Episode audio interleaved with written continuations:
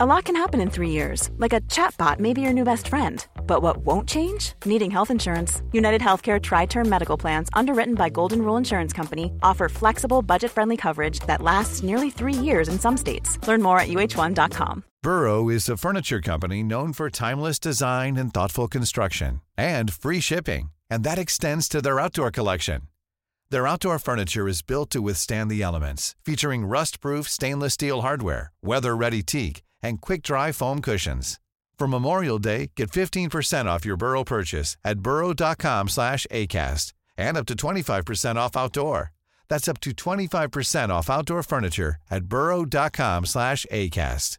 There's never been a faster or easier way to start your weight loss journey than with PlushCare. PlushCare accepts most insurance plans and gives you online access to board-certified physicians who can prescribe FDA-approved weight loss medications like Wigovi and Zepbound for those who qualify. Take charge of your health and speak with a board-certified physician about a weight loss plan that's right for you. Get started today at plushcare.com slash weight loss. That's plushcare.com slash weight loss. plushcare.com slash weight loss.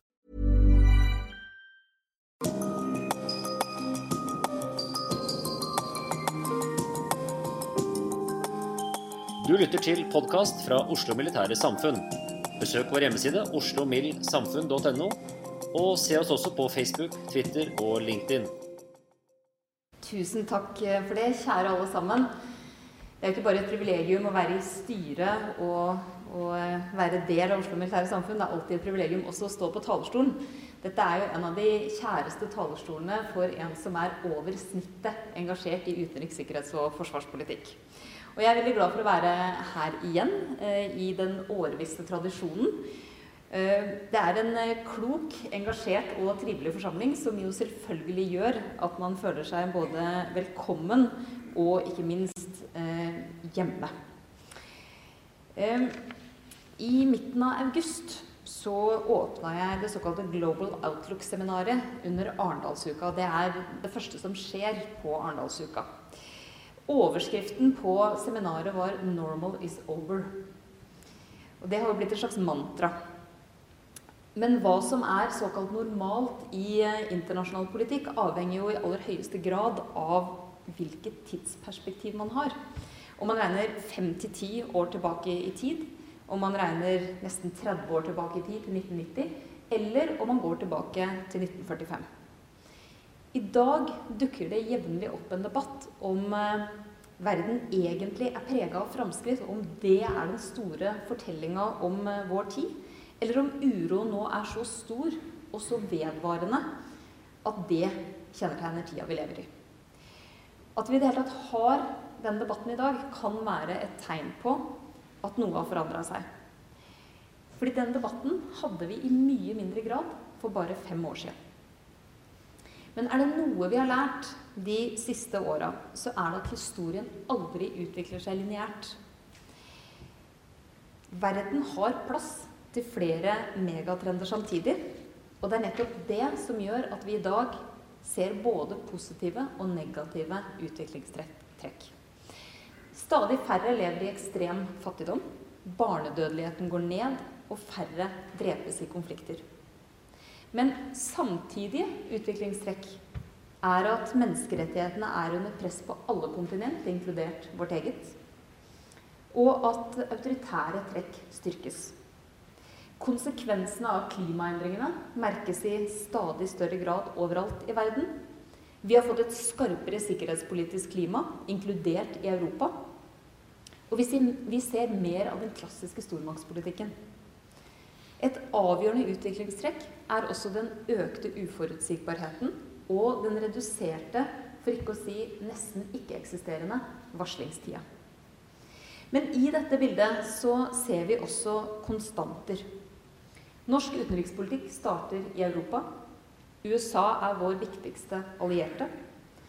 Samarbeidet i Nato er garantien for vår sikkerhet. EØS er grunnplanken i samarbeidet med EU. Nordområdene er vårt viktigste strategiske ansvarsområde. Og Norge vil alltid jobbe for en regelstyrt internasjonal orden. Alt dette skjer mot et bakteppe hvor vår tids maktforskyvning fortsetter, hovedsakelig fra vest til øst. Denne maktforskyvninga vil påvirke de aller fleste utenrikspolitiske områder, både nå og i tiåra som kommer. Vår og vårt kontinents nærmeste allierte, USA, konfronterer i økende grad et fremadstormende Kina, og selv med vår solide transatlantiske forankring vil et økt spenningsforhold mellom USA og Kina bli krevende å navigere både for Norge og Europa. Endringer i globale maktforhold har gjennom historien sjelden gått fredelig for seg. Det er helt eh, normalt og naturlig med friksjon. Men historien viser også at diplomati, ideer og initiativ gjør en forskjell og påvirker historiens gang. Hvordan vi, gitt alle de utviklingstrekkene jeg nå har nevnt, best kan forsvare vårt utenrikspolitiske handlingsrom og oppnå resultater, er en hovedoppgave for meg. Vårt utenrikspolitiske handlingsrom har alltid vært en funksjon av vår evne til å inngå allianser, søke samarbeid og forplikte oss.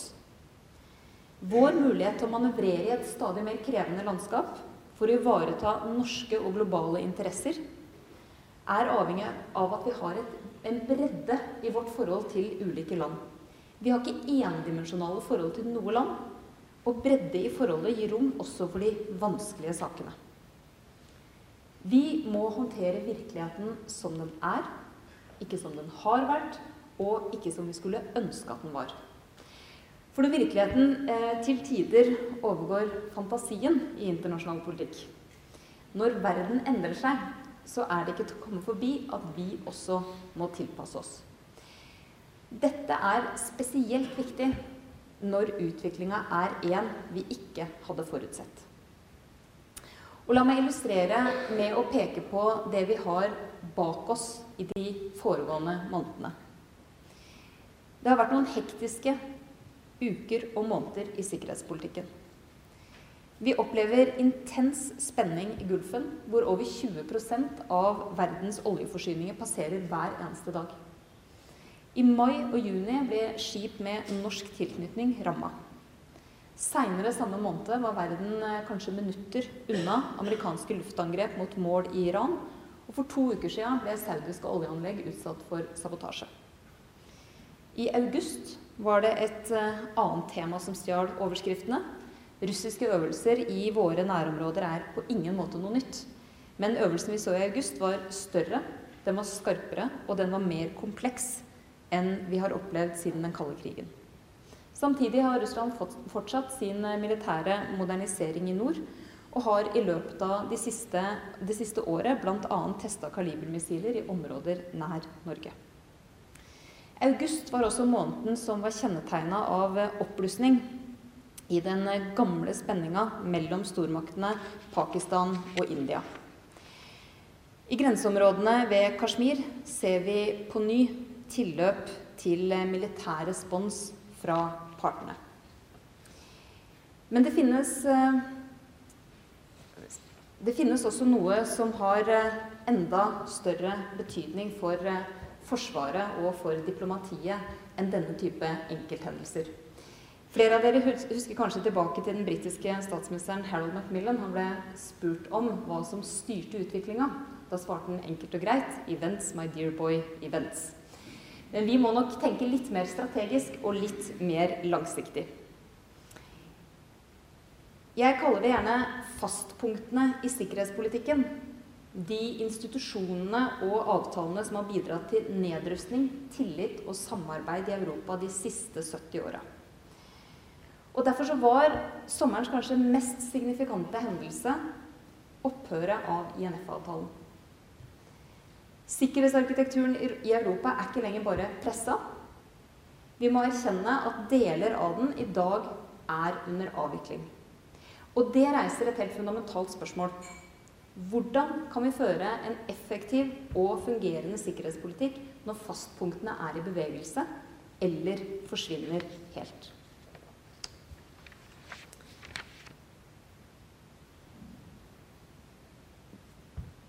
Vi har eh, et begrep for fenomenet som eh, skjedde i eh, Europa i kjølvannet av krigen. Vi kalte det peace dividend, fredsgevinsten. Fredsgevinsten går i realiteten eh, langt tilbake. Vi kan snakke om en fredsgevinst som strekker seg tilbake til 45. Velferdssamfunnet har blitt eh, kraftig bygd ut, og samtidig har jo Forsvarets andel av statens utgifter avtatt. Og vi kan jo se det i et litt historisk perspektiv. Det var eh, et relativt høyt beløp like etter krigen, men det har altså gått stadig nedover. Og en slik avveining mellom velferd og sikkerhet ville ikke vært mulig uten nettopp de fastpunktene jeg snakka om i sikkerhetspolitikken. Og la meg kort nevne de viktigste. Folkeretten og et sterkt FN. Historien er rik på kriger som har springet ut av relativt banale grensetvister. I dag er sånne eksempler i stor grad nettopp det historie. De fleste tvister løses med fredelige midler og i tråd med folkeretten. Og vi har i etterkrigstida hatt et FN som til tross for alle sine begrensninger har bidratt til internasjonal fred og sikkerhet. For det andre ikke-spredning, nedrustning og rustningskontroll. Avtaler som CFE, NPT, INF, New Start og deres forløpere har hatt helt fundamental betydning for fredsgevinsten. De har spart oss for uh, usikkerhet og risiko for konflikt. Og de har dempa og avverga våpenkappløp som også ville lagt bånd på store ressurser. Et tredje fastpunkt er Nato. Selve bærebjelken i Norges sikkerhetspolitikk gjennom 70 år. Alliansen har gitt oss avskrekking og forsvar i fellesskap i stedet for hver for oss. Det er en på alle måter tryggere og mer effektiv måte å organisere vår sikkerhet på enn de modellene som råda grunnen før 1949. Og det er faktisk et av de beste eksemplene på forpliktende internasjonalt samarbeid. Vi er alle beredt til å sende våre soldater i krig og konflikt for å forsvare hverandre. Og det oppsummerer egentlig kjernen i forpliktende internasjonalt samarbeid. Vi er villige til å forplikte oss utover vår egeninteresse. Et fjerde fastpunkt er den politiske og at den politiske og økonomiske integrasjonen skapte etter krigen et mye enklere trusselbilde i Europa ved at vi fikk eliminert en hel rekke gamle konfliktlinjer som den klassiske arvestriden mellom Frankrike og Tyskland. Europeisk integrasjon har vært helt grunnleggende. Det samme har EU for fredsgevinsten både siden 1949 og etter 1989. EU var derfor en verdig vinner av Nobels fredspris for noen år siden. Et femte fastpunkt er avtalene og institusjonene som har bygd åpenhet og tillit i Europa. Vi har OSSE, vi har Wien-dokumentet, Open Skies-regimet, notifiseringer, inspeksjoner og øvelser av øvelser og overflygninger høres kanskje ikke spesielt inspirerende ut, men alle dere som sitter her, vet at de tjener en veldig viktig funksjon. Og, den, og de har gitt noe helt essensielt, nemlig forutsigbarhet. Og med forutsigbarhet har vi alle kunnet ha færre styrker på beredskap enn vi ellers måtte ha hatt. Til slutt vil jeg nevne handelspolitikken. Historisk har proteksjonistiske handelssystemer veldig ofte vært hjemsøkt av konflikt. Overgangen til frihandel etter den andre verdenskrig bidro derfor også til fredsgevinsten. Vi gikk over til en global økonomi hvor verdiene ikke primært ligger i fysiske forhold som kan erobres i krig, men snarere i vare- og tjenestebytte mellom stater. Det gjør også noe med risikoen for konflikt. I sum er disse fastpunktene så grunnleggende at vi har vanskelig for å forestille oss sikkerhetspolitikk uten. Alle de institusjonene vi snakker om her, er jo på mange måter bygd på ruinene av to helt ødeleggende verdenskriger. Men vi kan si i dag at vi har vel egentlig bare lagt dem til grunn. Med dagens utvikling utfordrer nettopp disse forestillingene. Og skal sikkerhetspolitikken vår fungere, så må vi forholde oss til verden som den er, og ikke som vi skulle ønske at den var. Da jeg var her i fjor, sa jeg at sikkerhetsarkitekturen vår er under press. Det er fortsatt sant, Men jeg tror at etter sommerens hendelser så må vi erkjenne at deler av den er under avvikling. Vi har ikke nå noe avtaleverk som regulerer missilforsvar. ABM-avtalen ble avvikla allerede i 2002 på amerikansk initiativ. Enkelte prøver å framstille avviklinga av ABM-avtalen som årsak til dagens forvitring av helt andre avtaler. Jeg mener det er lite historisk støtte for det. Da burde vi ha sett kraftigere reaksjoner i samtida. Det gjorde vi ikke. Heller ikke fra russisk eller kinesisk side. Men det er like fullt et fastpunkt som er borte. Og om ikke annet utnyttes det i dag, bl.a. av Russland, for å rettferdiggjøre at man lar være å følge opp avtaler på andre områder. Videre har vi ikke noe velfungerende konvensjonelt nedrustningsregime i Europa. Russland slutta i 2007 å etterleve sentrale deler av CFE-avtalen. Og Wien-dokumentet lever på papiret, men er på mange måter ikke så levende i ånden. Russland omgår ofte både notifisering og inspeksjon gjennom kreative måter å dele opp og organisere øvelser på. Mangelen på et velfungerende konvensjonelt rustningsregime er alvorlig. Og i en tid med rask teknologisk utvikling kan det påføre oss ekstra kostnader og økt risiko. Og siden august i år har vi som nevnt heller ingen avtale for landbaserte mellomdistanseraketter.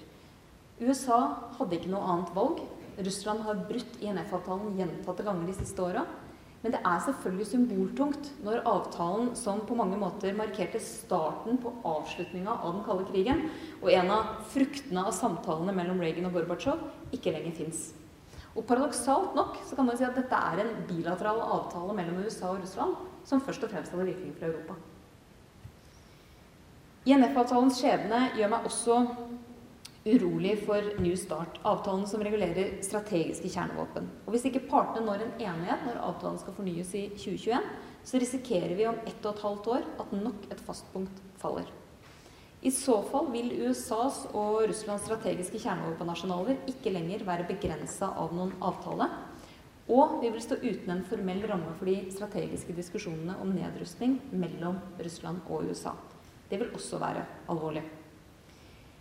På andre områder så kan vi ikke snakke om en avvikling, men snarere en forvitring eller en uthuling av fastpunktene. FN består, men Sikkerhetsrådets evne til å enes om offensive eller aktive kapittel 7-vedtak er åpenbart svakere i dag enn den var for fem-seks år siden. FN spiller en viktig rolle i andre deler av krisespekteret, ikke minst humanitært, som vi har sett i Syria. Men vi må belage oss på at den rivaliseringa mellom vetomaktene som vi ser, trolig kommer til å fortsette i mange år framover. Og det kan også begrense FNs mulighet til å spille en mer offensiv, fredsopprettende rolle. Som sikkert mange av dere er kjent med, så eh, søker Norge en plass i Sikkerhetsrådet for 2021 til 2022.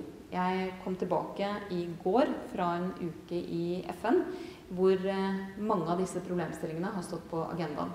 Og av og til så hører jeg at et, en årsak for at Norge ikke skulle søke medlemskap i Sikkerhetsrådet som et ikke-permanent medlem, er at vi da kan komme i kryssilden mellom stormaktene ved å sitte der.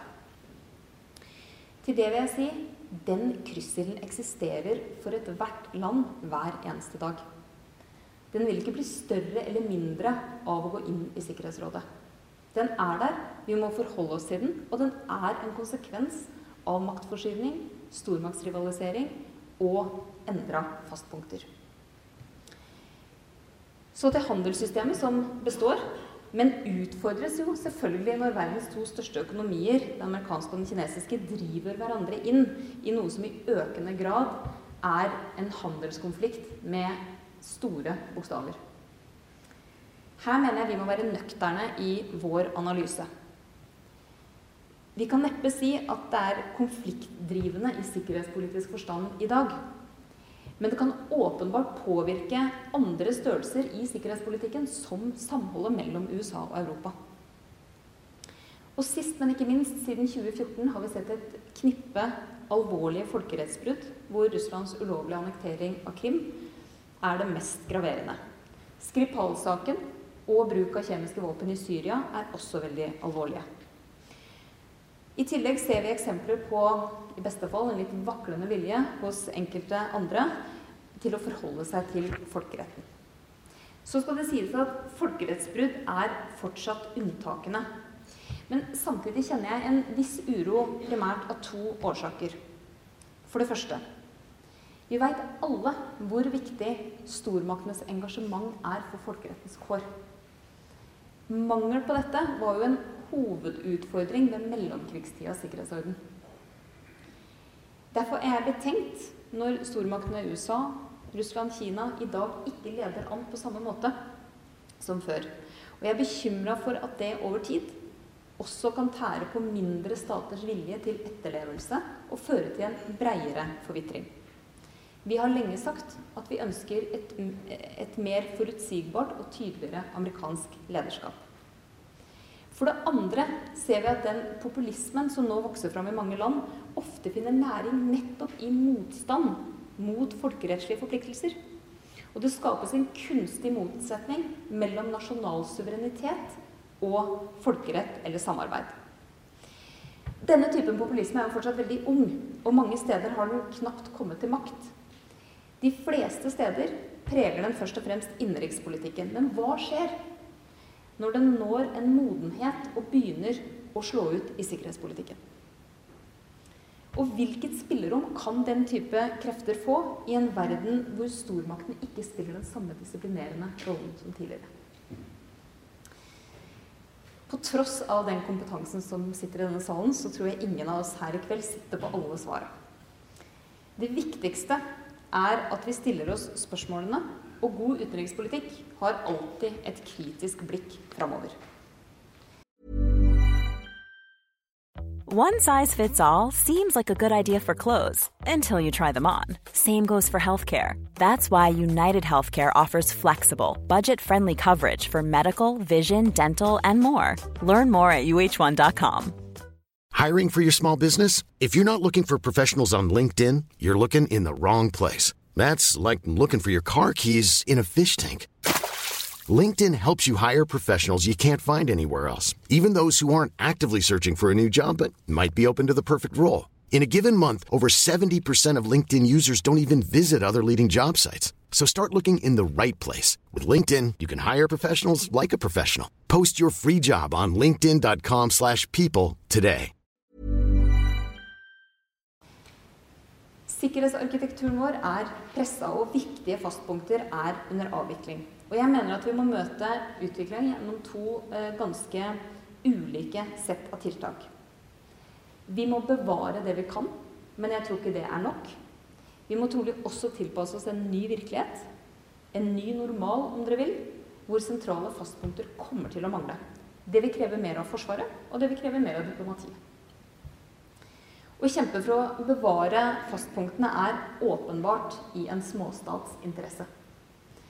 Men heller ikke stormaktene vil tjene på at en sikkerhetsorden med færre fastpunkter vinner fram. Vi må huske at fredsgevinsten siden 1945 har kommet absolutt alle til gode. For Norge er ikke dette bare et spørsmål om sikkerhet. Internasjonalt forpliktende samarbeid er viktig for oss på en rekke andre felter som også er under press. I juni la jeg fram en eh, stortingsmelding om hvordan vi skal jobbe for å sikre norske og globale interesser gjennom multilateralt samarbeid. Med meg på lanseringa hadde jeg Tysklands utenriksminister Heiko Maas. Det må nok være første gang tror jeg, en utenlandsk minister er med på å lansere en norsk stortingsmelding. Eh, og det er kanskje bare i UD og kanskje her og noen andre steder at stortingsmeldinger kan få pulsen til å gå opp. Men eh, av og til skjer det, og det, det er bra. Men det forteller også litt om interessen dette temaet har blant våre allierte. Og jeg har hatt to opplevelser med arbeidet med den meldinga. For det første så reiste jeg mye rundt i Norge og snakka på universiteter og høyskoler og i andre sammenhenger, debattmøter, om arbeidet med multimeldinga. Fortalte om hvilke utviklingstrekk vi så, hvordan det påvirker norsk utenrikspolitikk og vårt utenrikspolitiske handlingsrom, og hvordan vi skal manøvrere for å ivareta våre interesser. Og responsen og oppmøtet og interessen var betydelig større enn jeg hadde trodd. Betydelig større. Jeg tror veldig mye av årsaken er at mange kjenner på en uro for det som skjer. lurer på hvordan det kommer til å påvirke Norge. Og det er egentlig ganske forståelig. Man trenger ikke å følge et helt nyhetsdøgn engang før man ser at det er store endringer på gang i verden. Andre, den andre opplevelsen var hvor stor interesse det var for dette blant mine kollegaer internasjonalt. Både i Europa og utafor Europa. Noe av det første den helt nye danske utenriksministeren gjorde, var å lese multimeldinga, som vi kaller den. Og jeg syns jo det er et godt eksempel både på nordisk samarbeid og på interesse for det arbeidet vi la ned. Men tettere samarbeid med likesinna er viktig når vi skal prøve å bevare det vi har bygd opp. USA er vår viktigste allierte, men samtidig så søker vi i sikkerhetspolitikken også nærmere samarbeid med land som Tyskland, Storbritannia, Frankrike og Nederland og de nordiske landene. Og dette arbeidet begynte vi med i 2014. På andre områder tror jeg vi må være mer pragmatiske enn før. Vi kan ikke bare belage oss på å samarbeide med de som ligner mest på oss sjøl. Ikke minst i handelspolitikken, klimapolitikken, menneskerettighetspolitikken må vi tørre å søke samarbeid med partnere som ikke nødvendigvis som vi ikke nødvendigvis har tradisjoner for å samarbeide tett med, men som har felles interesser og politiske løsninger. Det samme gjelder i andre globale spørsmål som helse. Da jeg hadde alle ambassadørene hjemme i slutten av august på den berømte stasjonssjefsuka, så holdt jeg en tale til ambassadørene, og jeg sa at det å ikke tørre å utvide horisonten og tenke samarbeid og partnerskap litt på tvers av det vi har vært vant til, er litt diplomatisk latskap. Skal vi klare å ivareta interessene våre, så er vi i dagens verden nødt til å tenke litt utafor den boksen vi har vært vant til å tenke innafor. Et eh, tredje satsingsfelt i multimeldinga er reform. Og i en tid med press er det ekstra viktig at avtalene og institusjonene våre fungerer godt og er representative. Det krever stadig reform. Vi er aktivt engasjert i reform i de fleste store organisasjoner, enten det gjelder Verdens handelsorganisasjon, FN eller Nato. Og særlig Nato har det vært viktig å reformere. Vi er ikke i mål, men Nato er i en unik posisjon. Alliansen er, vil jeg si, det eneste av fastpunktene våre som har blitt betydelig sterkere de senere åra. Grepene som er blitt tatt siden Wales-toppmøtet i 2014, har uten tvil bidratt til å gjøre alliansen langt bedre rusta til å ivareta kjerneoppgaver knytta til kollektivt forsvar og avskrekking. Et viktig vedtak fra toppmøtet i 2018 var opprettelsen av en egen maritim kommando og en ny kommandostruktur. Vi har jobba for dette her i mange år. Særlig det å reformere kommandostrukturen og styrke Natos evne til å møte utfordringer i nærområdene. Jeg har snakka om det her i OMS før. Hvordan jeg, da jeg tok opp dette her første gang på en arbeidslunsj på Natos forsvarsministermøte, om det ikke var på tide å gjøre noe med kommandostrukturen, eh, fikk noen veldig glassaktige blikk tilbake. Alle dere som er kjent med åssen dette her fungerer, og det å begynne å pirke borti temaet kommandostruktur, eh, veit at det er et langt lerret å bleike. Men vedtaket kom altså på eh, Nato-toppmøtet i 2018, og jeg mener det gjør alliansen betydelig sterkere. Men heller ikke i Nato er eh, effektivitet alt. Legitimitet er også en viktig faktor. Hvis ikke alle medlemmer føler at deres sikkerhet blir tatt på alvor, så risikerer vi etter hvert at solidariteten rakner.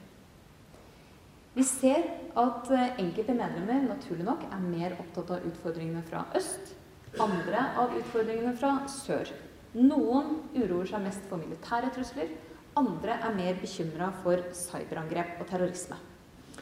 Norge har hele tida lagt vekt på at Nato må ha en helhetlig tilnærming til sikkerhet. At alle må bidra til de ulike allianseoppgavene og til en bedre byrdefordeling. Og vi kan løse mye gjennom en sånn tilnærming. Men vi vil alltid komme til et punkt der landene skiller lag, hvor vi rett og slett må bære over med hverandres forskjeller. Det gjør vi av hensyn til felles interesser. Det er det jeg kaller alliert tålmodighet. Og det har vært en nøkkel til å berge Nato gjennom noen usedvanlig stormfulle perioder de siste 70 åra. Og det er igjen aktuelt. Alliert tålmodighet betyr ikke å avstå fra å kritisere andre medlemsland når det er grunnlag for det. Vi sier f.eks. tydelig ifra når vi opplever i dag at en del av våre allierte dreier i mer autoritær retning. Men det er viktig at vi også tenker på hvilke plattformer vi velger. Når institusjonene er under press, er det viktig at vi bruker de nei, institusjonene til det de er best på. Nato er en forsvarsallianse. Og det er ikke gitt at det er der vi oppnår best gjennomslag i spørsmål om handel eller klima. Flere av fastpunktene i sikkerhetspolitikken er avtaler.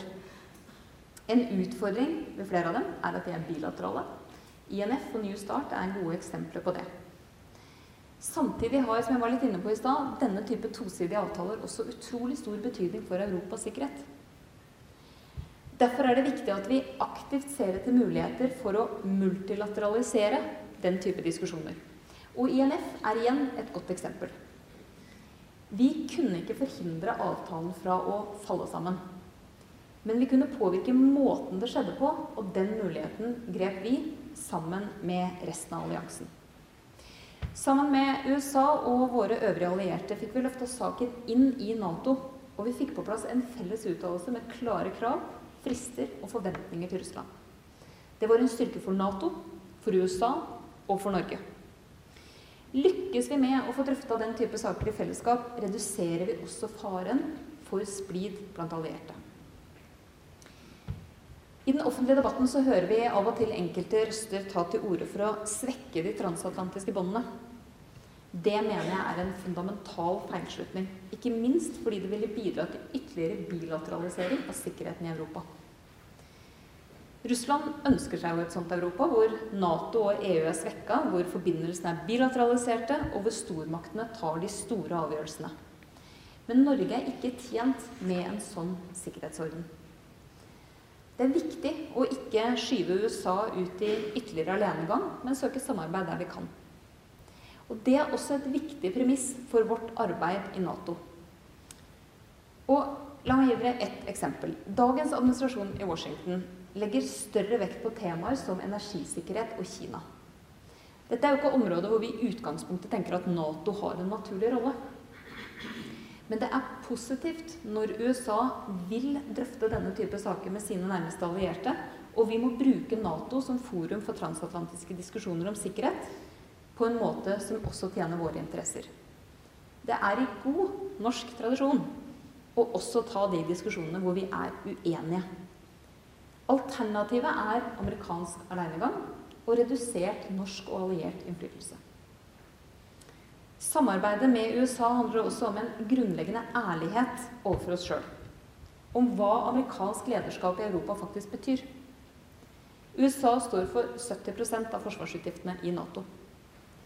Men USA spiller ikke bare en militær lederrolle. USAs politiske lederskap gjennom 70 år har også vært usedvanlig viktig.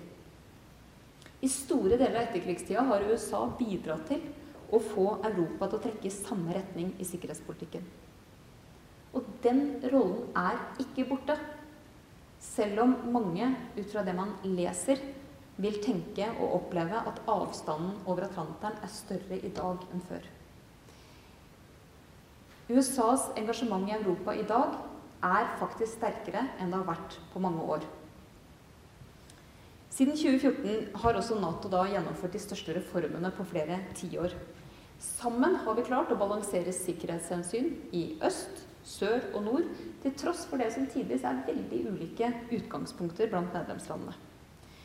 Og sist, men ikke minst, så er år med kutt i europeiske og canadiske forsvarsbudsjetter snudd til økninger i alle medlemsland. Bare i Norge har vi økt med over 30% i reelle summer siden 2014. Alt dette ville ikke vært mulig uten amerikansk lederskap. Og den dimensjonen syns jeg ofte underspilles. Vi fokuserer gjerne på forskjellene over Atlanteren, men glemmer ulikhetene i Europa. Vi snakker om USAs og Europas ulike trusselbilder, men overser ofte data som viser at trusseloppfatningene er minst like forskjellige blant land i Europa. Og Dette perspektivet er det viktig at vi har med oss når vi bygger et tettere europeisk sikkerhetssamarbeid.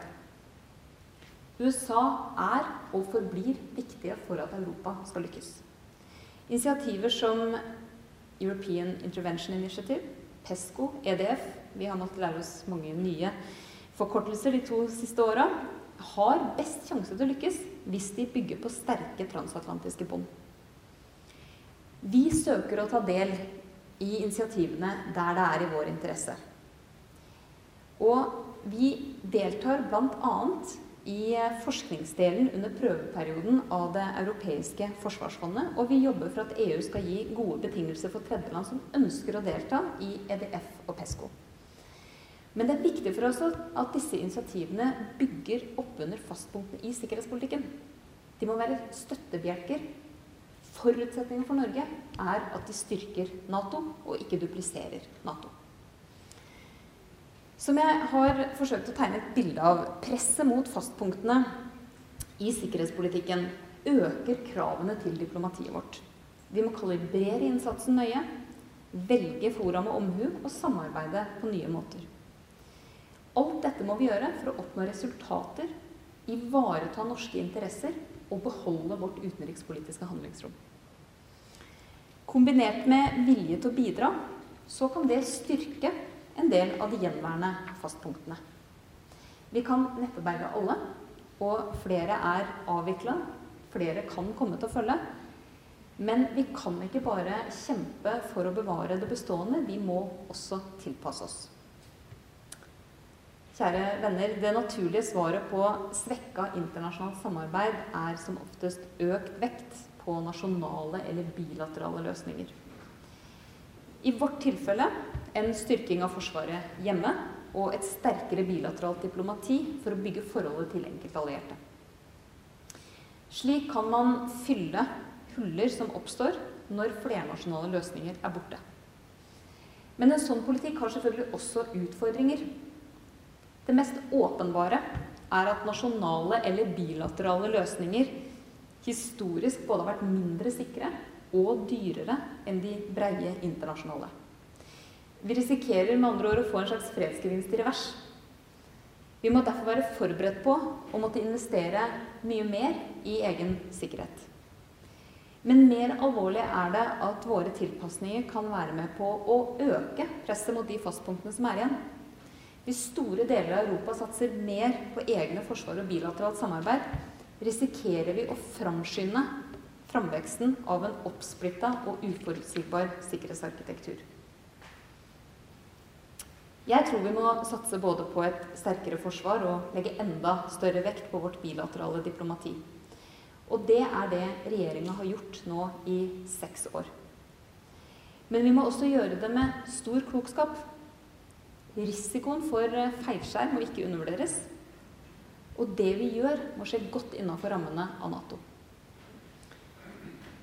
Et sterkt forsvar er også viktig for eh, samholdet og forholdet til våre allierte. Vi må kunne bidra til alliansens oppgaver. Vi må også prioritere vår evne til alliert mottak veldig høyt. Vi er avhengig av alliert støtte, og den må være troverdig. Da er det veldig viktig at allierte øver og trener stadig mer her i landet. Men et sterkt forsvar er også viktig for forholdet vårt til Russland. Vi vil at det forholdet skal være mest mulig balansert. Og det oppnår vi bare i samarbeid med allierte. Det pragmatiske og praktiske samarbeidet vi kan ha med Russland i dag, er til dels en funksjon av Nato-medlemskapet vårt, som oppveier den store asymmetrien som er. Og Russland er, som vi alle vet, meget godt kjent med konsekvensene av vår Nato-tilknytning. Det er med andre ord ingen overraskelse at allierte er i Norge og øver og trener. Og det er heller ingen overraskelse at allierte skal forsterke oss hvis vi trenger det. Det er hele grunnideen i Nato, og det er heller ingen overraskelse for russerne. Alternativet til at vi gjør det på den måten, er at andre fyller tomrommet og det kan gi en spenning og en usikkerhet som vi ikke ønsker. Vi må også bygge Forsvaret på en klok måte. Og vi må også bilateralisere på en klok måte der det er nødvendig. Det at vi de siste åra har styrka forholdet til utvalgte allierte, er viktig for oss. Og det er viktig at vi gjør det på en måte som bygger opp under samarbeidet i Nato og de lange linjene i norsk sikkerhetspolitikk. Jeg mener at det nære samarbeidet vi har både med USA og nære allierte, bidrar til det. Alliert øving og trening i Norge undergraver ikke basepolitikken, den styrker basepolitikken. Jevnlig trening og øving med våre allierte er en forutsetning for forsterkningspolitikken. Og det er også den beste garantien mot fremmede baser på norsk jord i fredstid. Men forholdet må også bygges politisk. Våre nærmeste allierte må ikke bare ha militær evne, de må også ha politisk vilje til å komme oss og andre til unnsetning. For I en krise eller en konflikt så er det til syvende og sist politikerne som fatter beslutningene. Her spiller utenrikstjenesten en nøkkelrolle. Og vi jobber målretta med å ytterligere styrke forbindelsene til våre nærmeste allierte. Vi gjør det gjennom informasjonsutveksling, konsultasjoner, besøk og diplomatisk kontakt. Og også her må det legges inn gjensidighet. Hvis vi ønsker at andre skal hjelpe oss i en krisesituasjon, så må vi også være beredt til å hjelpe andre. Klok bilateralisering handler også mye om nye europeiske sikkerhetsinitiativer. Norge ønsker å ta del i europeisk samarbeid der det er i vår interesse. Men vi må gjøre det med noen klare forutsetninger. At de utfyller Nato og bygger opp under det transatlantiske samarbeidet. Og Et eksempel jeg gjerne vil trekke fram her, er EUs arbeid for å styrke militær mobilitet i Europa. Det er et godt eksempel på en type arbeid som skaper gode synergier mellom EU og Nato, og som kan styrke vår sikkerhet. I alt dette må vi være nøkterne og ærlige. Fra noen hold ser jeg av og til tilløp til å framstille europeisk sikkerhetssamarbeid som et alternativ til amerikanske sikkerhetsgarantier. Det er det ikke. Det er det ikke i dag, og det er det heller ikke i framtida. Det påhviler både Europa og USA å bidra til at ikke fastpunktene svekker hverandre. For det har vi ikke råd til. Russlands mer selvhevdende utenrikspolitiske linje er og forblir en hovedutfordring for sikkerhetsarkitekturen i Europa. Uten Russlands medvirkning er flere fastpunkter dømt til å forvitre. Som det så fint heter 'It takes two to tango'. Men for å holde oss til analogien fra dansegulvet Selv om Russland ikke vil, kan ikke vi for vår del avstå fra å prøve å by opp til dans. Når f.eks. avtaler om nedrustning forvitrer og inspeksjonsregimet undergraves, må vi finne andre måter for å redusere risiko.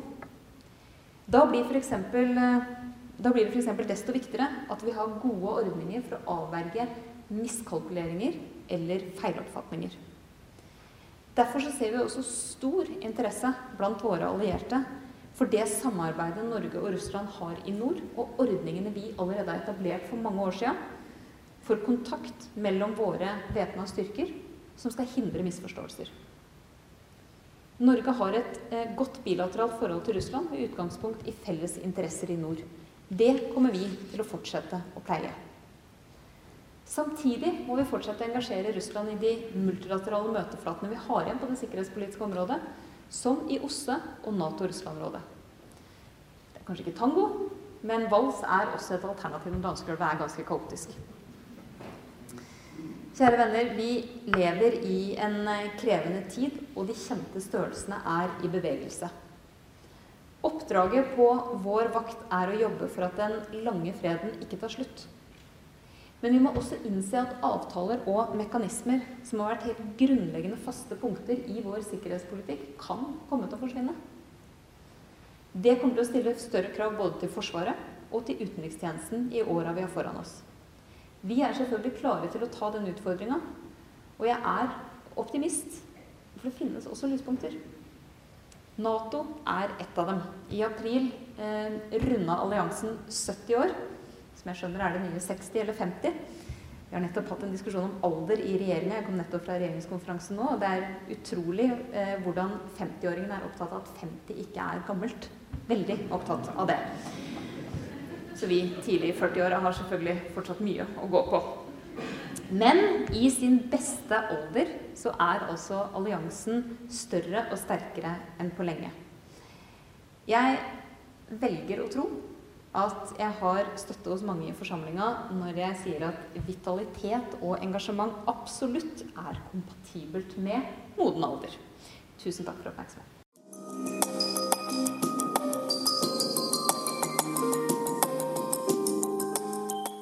Du har hørt podkast fra Oslo Militære Samfunn.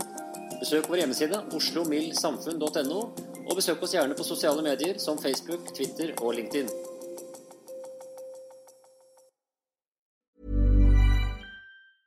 Mom deserves the best, and there's no better place to shop for Mother's Day than Whole Foods Market. They're your destination for unbeatable savings, from premium gifts to show-stopping flowers and irresistible desserts. Start by saving 33% with Prime on all body care and candles. Then get a 15-stem bunch of tulips for just $9.99 each with Prime. Round out Mom's menu with festive rosé, irresistible berry chantilly cake, and more special treats. Come celebrate Mother's Day at Whole Foods Market. Even on a budget, quality is non-negotiable. That's why Quince is the place to score high-end essentials at 50 to 80% less than similar brands. Get your hands on buttery soft cashmere sweaters from just 60 bucks, Italian leather jackets, and so much more. And the best part about Quince, they exclusively partner with factories committed to safe, ethical, and responsible manufacturing. Elevate your style without the elevated price tag with Quince. Go to quince.com slash upgrade for free shipping and 365-day returns. Hi, I'm Daniel, founder of Pretty Litter. Did you know cats tend to hide symptoms of sickness and pain? I learned this the hard way after losing my cat, Gingy. So I created Pretty Litter, a health monitoring litter that helps detect early signs of illness by changing colors, saving you money and potentially your cat's life. Pretty Litter is veterinarian developed, and it's the easiest way to keep tabs on your fur baby's health right at home. Go to prettylitter.com and use code ACAST for 20% off your first order and a free cat toy. Terms and conditions apply. See site for details.